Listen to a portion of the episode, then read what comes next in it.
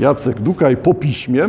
Czy ja jestem tak zupełnie zachwycony tą książką? Tak, zupełnie zachwycony to nie jestem, tak, ale rozumiem o co chodzi Dukajowi i czemu stara się pozbierać pewne rzeczy, które publikowane były już od ładnych kilku lat. To jest tak naprawdę publikacja łączona, czyli nie jest to samodzielna od A do Z napisana książka pod tym tytułem. Do tej książki bezpośrednio powstała część po piśmie, czyli powiedzmy taka takie dwie piąte objętości tej książki.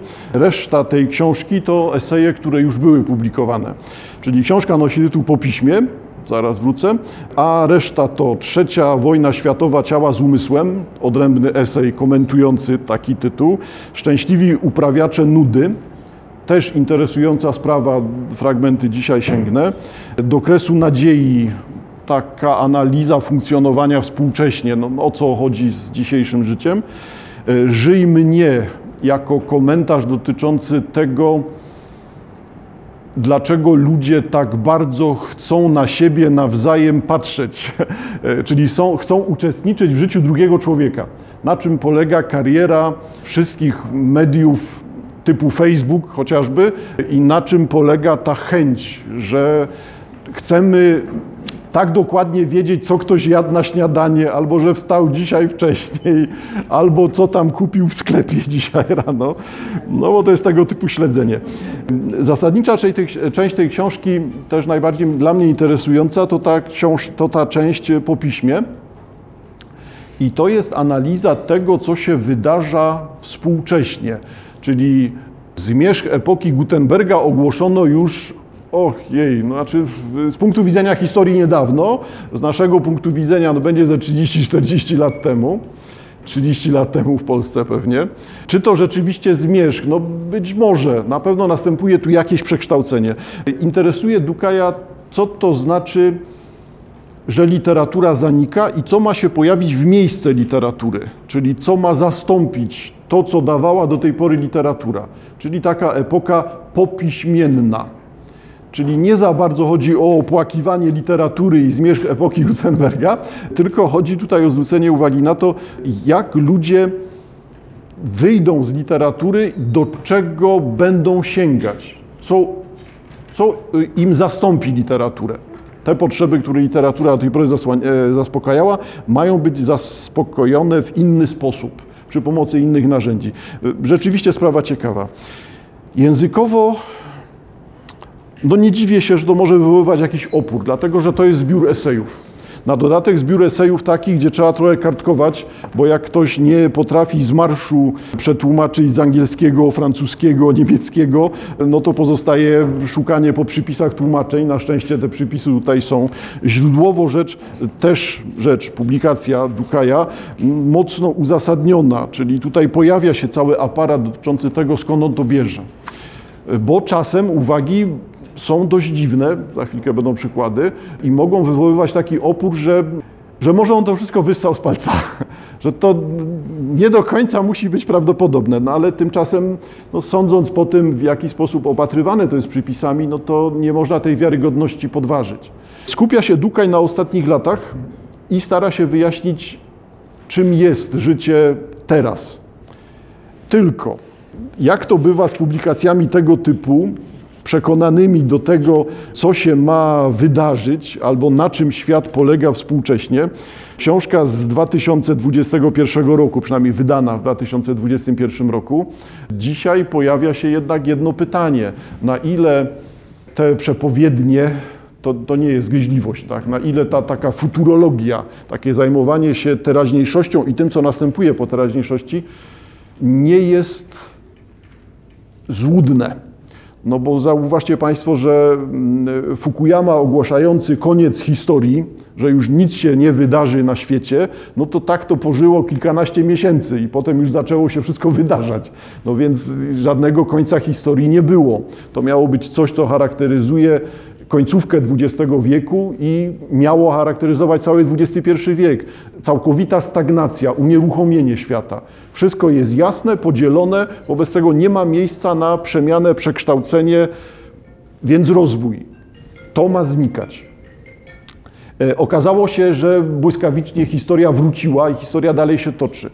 Czemu na to zwracam uwagę? Dlatego, że u Dukaja też troszkę widać taki punkt widzenia generalizujący, to znaczy on stara się wyjaśniać świat, zakładając, że jego wyjaśnienia przylegają do tego świata, że te wyjaśnienia będą dotyczyły rzeczywistości teraźniejszej, XXI rok, ale też i 22, 23, 24, tak, one się mają sprawdzać, nie jako przepowiednie, tylko materiał ma nie ulec zmianie. No a tymczasem ostatnie miesiące pokazują, że jest inaczej. To, o czym pisze Dukaj, zakłada jednak niezmienność technologii, trzymajmy się jednego aspektu, niezmienność technologii, e, niezmienność rozwoju tej technologii, że skoro to jest w tym tempie, to w takim razie przewidujemy, że za trzy lata będzie tak, a nie inaczej. I to, że sytuacja ludzi, by, bytowa, egzystencjalna sytuacja ludzi też nie ulega zmianie. No, a tymczasem te ostatnie miesiące no, cofają nas dość potężnie i pokazują, że świat jest nie ma tutaj żadnych zaskoczeń, tak? No, świat jest płynny, zmienny, historia jest zaskakująca, ludzie niczego się nie uczą, na niczym, żadnych błędach się nie uczą. Mamy w kółko to samo, to z tym samym językiem. Wobec tego założenie właśnie takie, że może być już tylko do przodu, a troszkę to prześwieca u Dukaja, chociaż pewnie by się zaraz bronił, że nie, nieprawda i ja to wymyślam. No tak, autor może się bronić. No to jednak takie założenie optymistyczne, nie? czyli zakładające to, że świat nie wywróci się na drugą stronę, że internet jest bytem samym w sobie, wobec tego nie można go zlikwidować. No a tymczasem no można, można. To, to wszystko może się zawalić. Zakładanie, że ktoś może modyfikować swoje ciało i sobie tam wzmocnić mózg poprzez odpowiednie systemy chipów, no to wszystko pięknie, tylko zakładamy, że są chipy, zakładamy, że są umiejętności, że jest lekarz, który się tym zajmuje, że są warunki do tego, żeby mieć święty spokój, nie wiadomo ile i w czasie operacji, i po operacji. I to wszystko jest na glinianych nogach. Tak? Bardzo mocno widać, że takie właśnie założenie, że można przewidzieć rzeczywistość, no, może być mylące. Ale jeżeli nie będziemy tam pesymistyczni, bo gdybym był pesymistą, to byśmy sięgali teraz po książki typu Metro 2033, tak? jak przetrwać w czasie wojny, ukrywając się w metrze. No, tylko nie mamy metra. Ale sięgnijmy do samego Dukaja. Ciekawe jest to, co, co moim zdaniem jest na pierwszym planie. Jakby Dukaj zdaje sobie sprawę z nienaturalności, pewnej nienaturalności tego, czym się zajmuje, czyli on będzie jako człowiek uprawiający literaturę pisał o tym, że literatury nie ma, bądź prawie nie ma. Refleksja pisarza piszącego nad tym, że już się nie pisze, dlaczego i co ma być w zamian. Taki znowu eksperymentalny troszkę teren. No, niezbyt wiadomo, jak się w tym znaleźć. Stąd te uwagi dotyczące świadomości warsztatu, tego bycia pisarzem, czyli przedstawicielem ginącego zawodu, tak to ujmijmy, no, są tutaj bardzo ciekawe i są bardzo jawne. Jak gdyby jeden z pierwszych tematów tej książki. Początek książki. W powiedzeniu, iż to nie człowiek pisze książki, ale książki wykorzystują ludzi, by zostać napisanymi, skryło się przeczucie tego dość powszechnego doświadczenia relacji ze słowem pisanym, nadmiaru mądrości tekstu względem autora tekstu. No nie jest to wyjątkowo długie zdanie, cztery linijki, ale zgoda może no to, to nie jest literatura lekka. Tak? Znowu mówimy o czymś, co jest nie wiem, czy autor by się zgodził, no ale swoistego rodzaju instrukcją, instrukcją do człowieka, instrukcją do rzeczywistości. Także to będzie dość ścisła instrukcja, trzeba będzie szukać tych odpowiedników, czy nam się uda poskładać tą półkę ze sklepu. Czyli nie człowiek pisze książki, książki wykorzystują ludzi, by zostać napisanymi. Co tutaj widać? Widać takie założenie, od zawsze już istniejące, takie przekonanie, które pewnie najbliżej byłoby nazwać romantycznym, ale tak naprawdę to no, od tysiącleci istniejące, że przekonanie dotyczące tego, że autor nie jest samodzielnym bytem, tylko ten autor, sprawca, twórca, artysta, jak go chcemy nazwać, jest tylko przekaźnikiem. Czyli on dokonuje transferu. Jest coś, co jest wypowiedzią, i to, co jest wypowiedzią, znajdzie przypadkowe narzędzie, przypadkowy kanał pośrednika, sprawcę, który to zapisze. Czyli gdyby nie Dukaj napisał po piśmie, to ktoś inny napisałby po piśmie. I nie ma tutaj sensu jakby przykładanie e, wagi do autora. E, na ile to przekonanie jest prawdziwe, na ile mylne? No, prawdziwe, jeżeli mamy na myśli to, że literatura jest głosem z zewnątrz, jest tym wypowiedzeniem niewypowiedzialnego, jest ujawnianiem się czegoś nieskończonego w zamkniętej postaci. Tak jakby e, Bóg dyktował i ktoś tam zapisywał głos wyższy, pełniejszy. No to bardzo mm, budujące przekonanie, że tak jest. Gdyby nie to, że najczęściej się okazuje, że jest to rodzaj maski bądź rodzaj legendy literackiej, czyli pisarz zawsze, duża część pisarzy zawsze opowiada, że tak wstali rano i wszystko było gotowe, on tak ryb wziął tam długopis albo zasiadł do maszyny, 3, 4, 5 godzin, 200 stron jest. Bo on to wszystko już ma, to, to on jest tylko tym przekaźnikiem czegoś, co istnieje no, to, to, błyskawicznie się rozmija z rzeczywistością. Wystarczy potem, i to robią już biografiści, prześledzić, zobaczyć, że tam 10 lat coś pisał, wyrzucił, wrócił po pięciu latach, poprawił, zachował jedną trzecią, zmienił całkowicie resztę i tak dalej. E, czyli raczej to jest to normalne działanie, ale przekonanie istnieje że, że literatura ma być czymś, co jest tym głosem nieskończonym, pewnym, sprawdzalnym, takim głosem, który ma być całkowicie prawdziwy. No, przekonanie interesujące. Dla części czytelników, dla większości czytelników, nie wiem jak to określić, albo jedyne, no, albo najważniejsze. No bo po to się czyta, żeby uzyskać pewność, odkryć prawdę, mieć gotowe rozwiązania, no, mieć to taką, mieć coś, co w życiu przyda się praktycznie, chociaż nie jest to tam młotek, tak, no ale ma się praktycznie przydawać. Co wynika z tego? Przeczucie dość powszechnego doświadczenia relacji ze słowem pisanym, nadmiaru mądrości tekstu względem autora tekstu. I to jest też to przekonanie. Z jednej strony część czytelników uważa, że autor jest kimś, kto panuje nad całością tekstu. On go wymyślił i on jest jedynym autorytetem tłumaczącym tekst. Czyli jak chcesz się dowiedzieć, co jest w tej książce, idź na spotkanie z autorem, autor ci wyjaśni, w końcu on to zrobił. No to przekonanie jest równie mylące, no i jakby przepadło już w historii życia literackiego przed stuleciami, ale część czytelników do dzisiaj ma takie właśnie przekonanie, że to, co autor miał na myśli, jest najważniejsze. Dukaj zwraca uwagę na to, że nadmiar mądrości tekstu względem autora tekstu jednak istnieje. To znaczy tekst przerasta autora. Tekst jest o czymś więcej niż autor. I czy pytanie teraz o czym więcej? Czy w takim razie, skoro tekst jest mądrzejszy od autora, czy to oznacza, że autor jest znowu tym przekaźnikiem mądrości wyższej? No, obracamy się wokół tego samego zagadnienia. Tak to jest odbierane.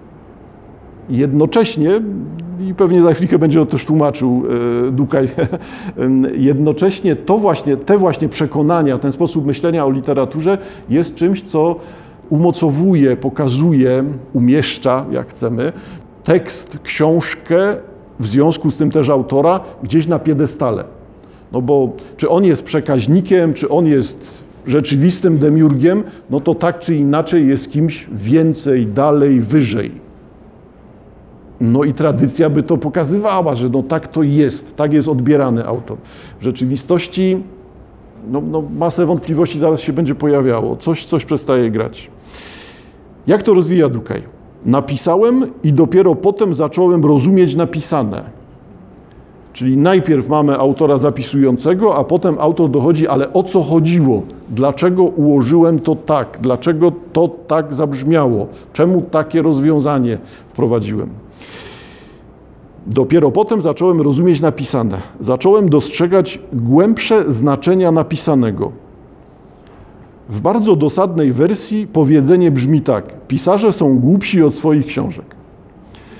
No tak, to już jest bardziej prawdopodobne, chociaż o wiele dosadniejsze. Czyli wszystko to, co powiedziałem o tym pisarzu, który jest przekaźnikiem, kanałem, realizatorem siły wyższej, głosu istoty nieskończonej, jak kogo tam chcemy umieścić, e, da się sprowadzić do tego samego sformułowania. No, pisarze są głupsi od swoich książek. No, skoro ktoś zapisuje mądrości objawione, to jest głupszy od tych mądrości objawionych, bo nie są jego.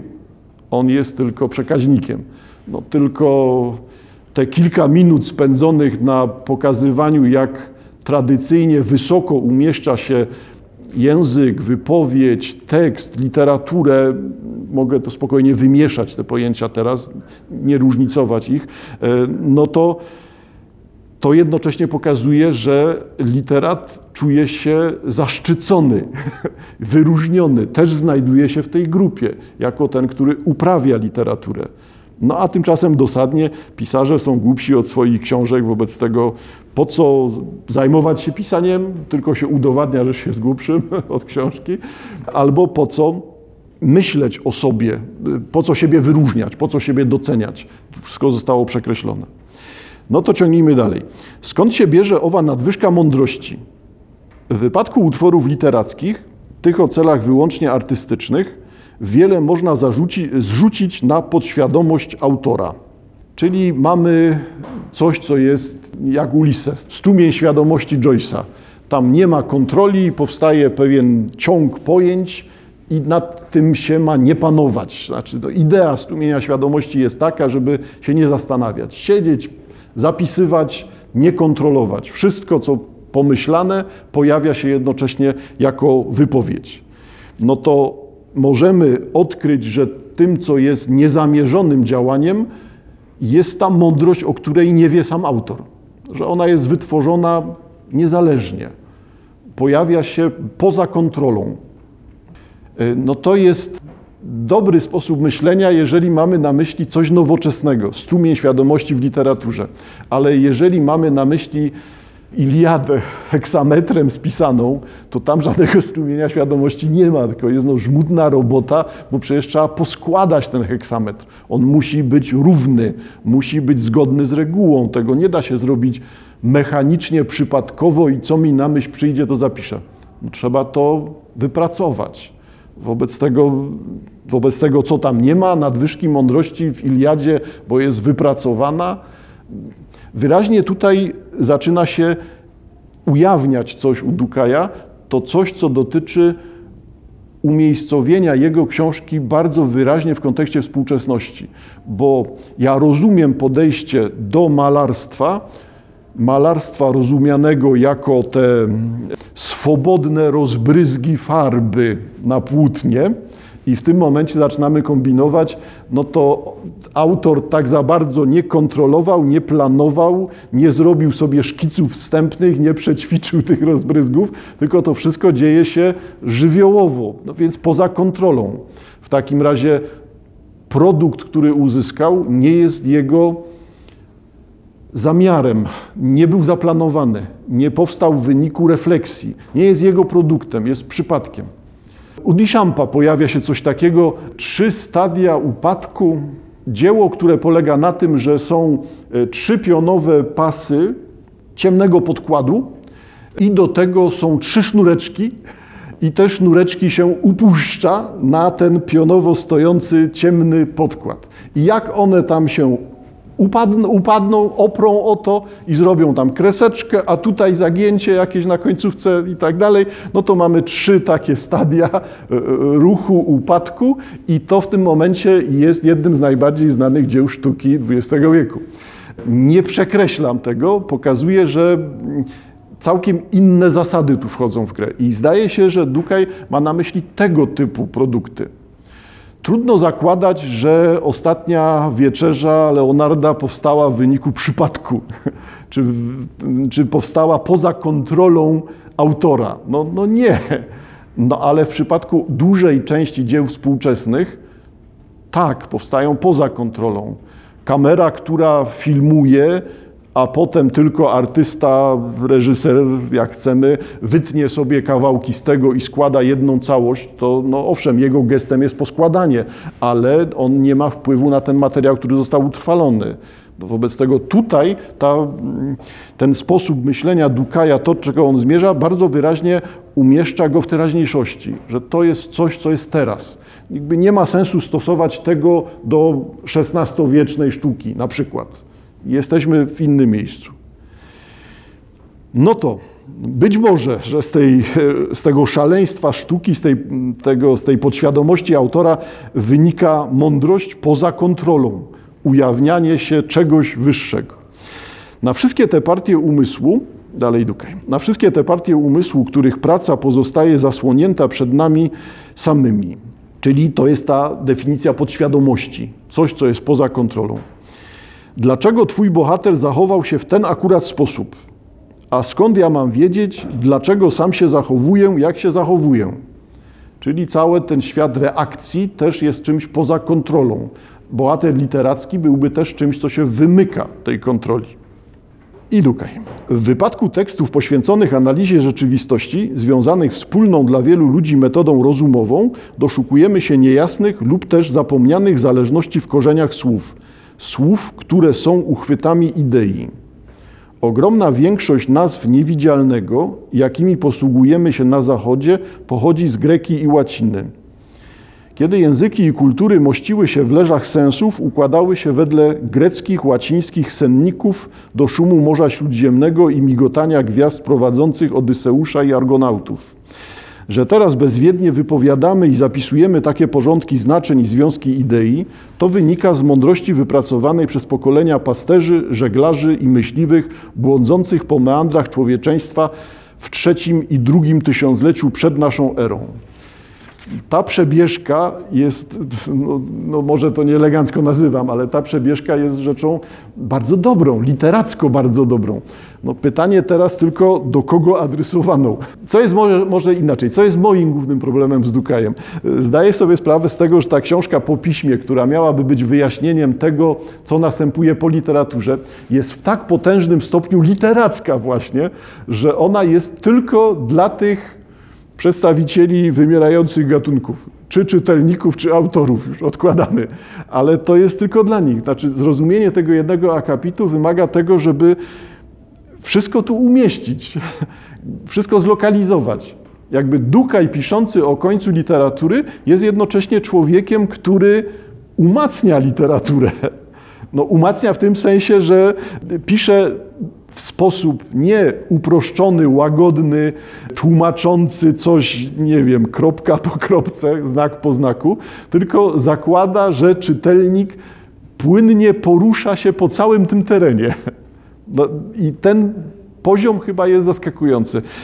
Może też jakąś moją radą byłoby, żeby Dukaja nie tyle czytać, ile wysłuchać.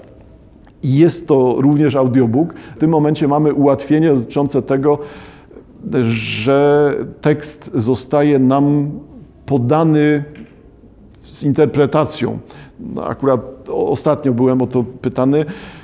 Audiobook, jeżeli tylko nie stosujecie Państwo tego czytania automatu, są lektory, czyli programy pozwalające na to, żeby przeczytać pliki tekstowe. Tylko one to czytają jak roboty. Nie? Bla, bla, bla, bla, bla, bla, tam nic, znaczy kropki są, natomiast cała reszta jest monotonna to raczej nie, nie o to chodzi, o taką automatyzację.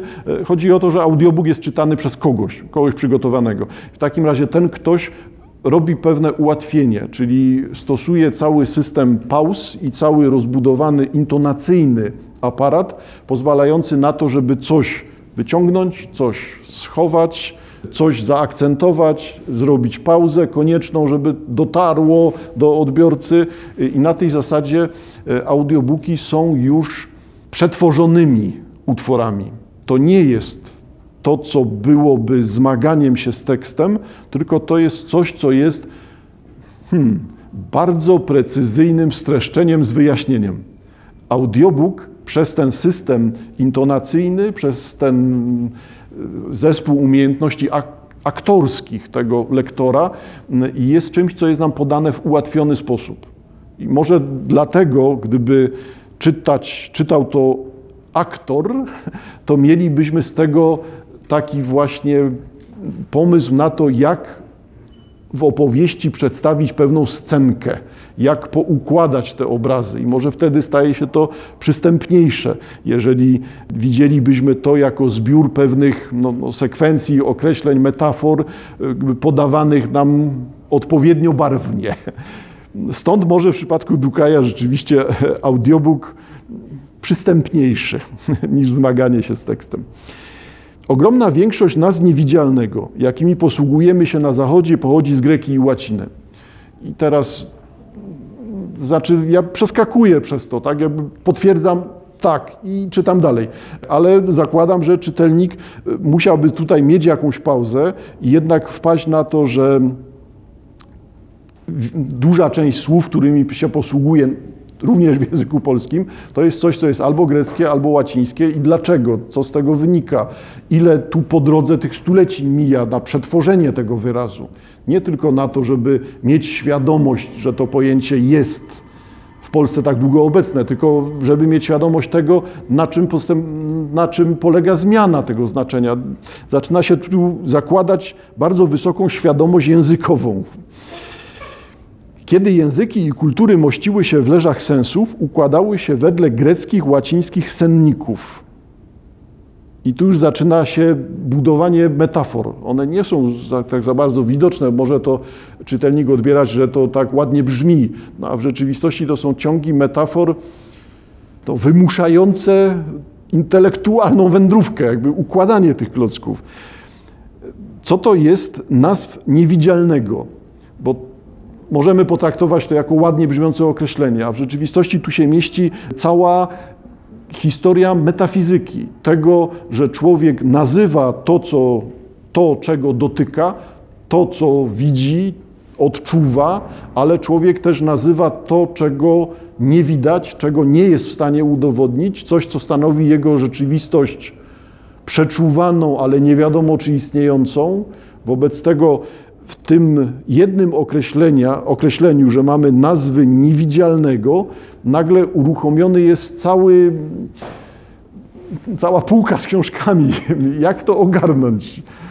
Jakimi posługujemy się na Zachodzie? I teraz mocne ulokowanie tego w zachodniej części umownego świata współczesnego, no, czyli po prostu w starym świecie, w Europie, uruchamia znowu te, te, te biblioteki, które tu się pojawiają. Konieczne dla zrozumienia poszukiwania tego, jak nazywamy rzeczywistość jedynie przeczuwaną, jedynie rozpoznawalną y, intuicyjnie i jak ją odnajdujemy przy pomocy języków tkwiących tylko w tej części świata jakby odcinamy się od jakichś Indii, odcinamy się od pomysłów, nie wiem, środkowoamerykańskich, zaczynamy mówić tylko o tym, tak, basen Morza Śródziemnego, to co związane jest z, z Grecją i Rzymem. Kiedy języki i kultury mościły się w leżach sensów, te leże sensów, to już mamy jakieś poetyckie zabiegi, no już nie mówiąc o tym, że mościły się, to taki archaizm, który no, no prowadzi nas, że teraz będziemy mówić o przeszłości, o tym, jak się ktoś mości, umości wygodnie, niewygodnie. Leżę. Ja w ogóle nie wiem, czy współcześnie e, zwykły odbiorca, ciekawe kto to jest, zwykły odbiorca, e, zrozumie przejście, tak, że to leże, może leżankę szybciej by zrozumiał, no ale tutaj mamy leże. I na dodatek jeszcze języki i kultury mościły się w leżach sensów. W jaki sposób kultury układają się, mieszczą się łącząc, ciąg dalszy, układały się wedle greckich, łacińskich, w jaki sposób to, co w Europie jest greckie, później przekształcone na wzór łaciński, a potem rozprzestrzenia się niby istniejąc, a niby znikając, bo przecież dojście do tego, że polszczyzna jest grecka i rzymska, to nie jest oczywiste przejście. Jakby tego nie da się e, przyjąć na wiarę. Jakby trzeba widzieć, na czym polega to przejście. I znowu te tysiąclecia zaczynają tu wędrować. No to o co chodzi w tym zdaniu? O tym, o to, że kultura grecko-łacińska, ale przeobrażona w tej części słowiańszczyzny, w której my jesteśmy, jest czymś innym niż kultura grecko-łacińska przeobrażona we Francji. Bo jest inne leże, innym miejscu, przez innych ludzi, inne tego tutaj najmniej będzie u Dukaja, no ale chyba trzeba to jednak tutaj dopisać czy ujawnić. Kultura grecka i łacińska nie pojawia się w pustej puszczy. Bo jakby się pojawiała tylko w puszczy na terenie tej części słowiańszczyzny, to mielibyśmy ciąg dalszy kultury grecko-łacińskiej. Tymczasem jej nie mamy, bo tu istnieje wcześniejszy zespół, pomysł, cywilizacja, e, myśl o tym, co to znaczy być człowiekiem. I w to, co już istnieje, wplata się tradycja grecko-rzymska, tworząc coś, co jest zachodnią słowiańszczyzną, ale zachodnią. Bo jak sobie na wschód powędrujemy, na słowiańszczyznę, no to już będzie mniej łacińskich, więcej greckich. Wyraźnie i obecność innej kultury, nie tej umownie polskiej, tylko to bardzo umowna umowność teraz jest, tej polskiej, która istniejąc wcześniej, w pewnym momencie przyswoiła czy przeobraziła się, umościła się w pomysłach, w rozwiązaniach, które proponowane były wcześniej przez Greków i Rzymian. Czyli cała Europa jest grecko-rzymska, gdyby nie to, że cała Europa nie jest grecko-rzymska. Każda realizacja tej grecko-rzymskości jest całkowicie odmienna. Inna jest hiszpańska, inna francuska, inna niemiecka, inna polska. Ale w zasadzie na początku jest ta Grecja z Rzymem. Tylko pytanie, czy na początku, bo tradycje nawet umieszczające słowiańszczyznę będziemy mieli znowu bardzo dziwne, tak? że tak zaciekle na sprawę patrząc, a słowiańszczyzna, ósmy wiek, tak umownie powiem. I to już też historycy się nie zgodzą, że ósmy, coś źle mówię. Przynajmniej taka będzie reakcja historyków. No ale jeżeli nie będziemy tymi historykami potrzebującymi dokumentów wiekopalisk, no to się okaże, że założenie, że kultura słowiańska istnieje równolegle do grecko-rzymskiej albo poprzedza rzymską, no nie będę się upierał, że poprzedza grecką, no ale pokazuje to jakby inny system, że to nie jest tak, że najpierw jest Grecja i Rzym i później jest coś, co jest odrostem, słowiańskim odrostem Grecji i Rzymu. Tylko równie dobrze powiemy, jest, Grec, jest słowiańszczyzna, czy jest ta polskość, tak właśnie bardzo metaforycznie traktując tą kategorię, która wchłania te elementy grecko-rzymskie. I część y, badaczy rzeczywiście będzie tak uważała, że jest coś, co jest wytworzone odrębnie, bez związku z Grecją i Rzymem, a potem modyfikowane poprzez umoszczenie się w leżach europejskich, czyli grecko-rzymskich. I stąd różnice słowiańszczyźnie. No, kto wie.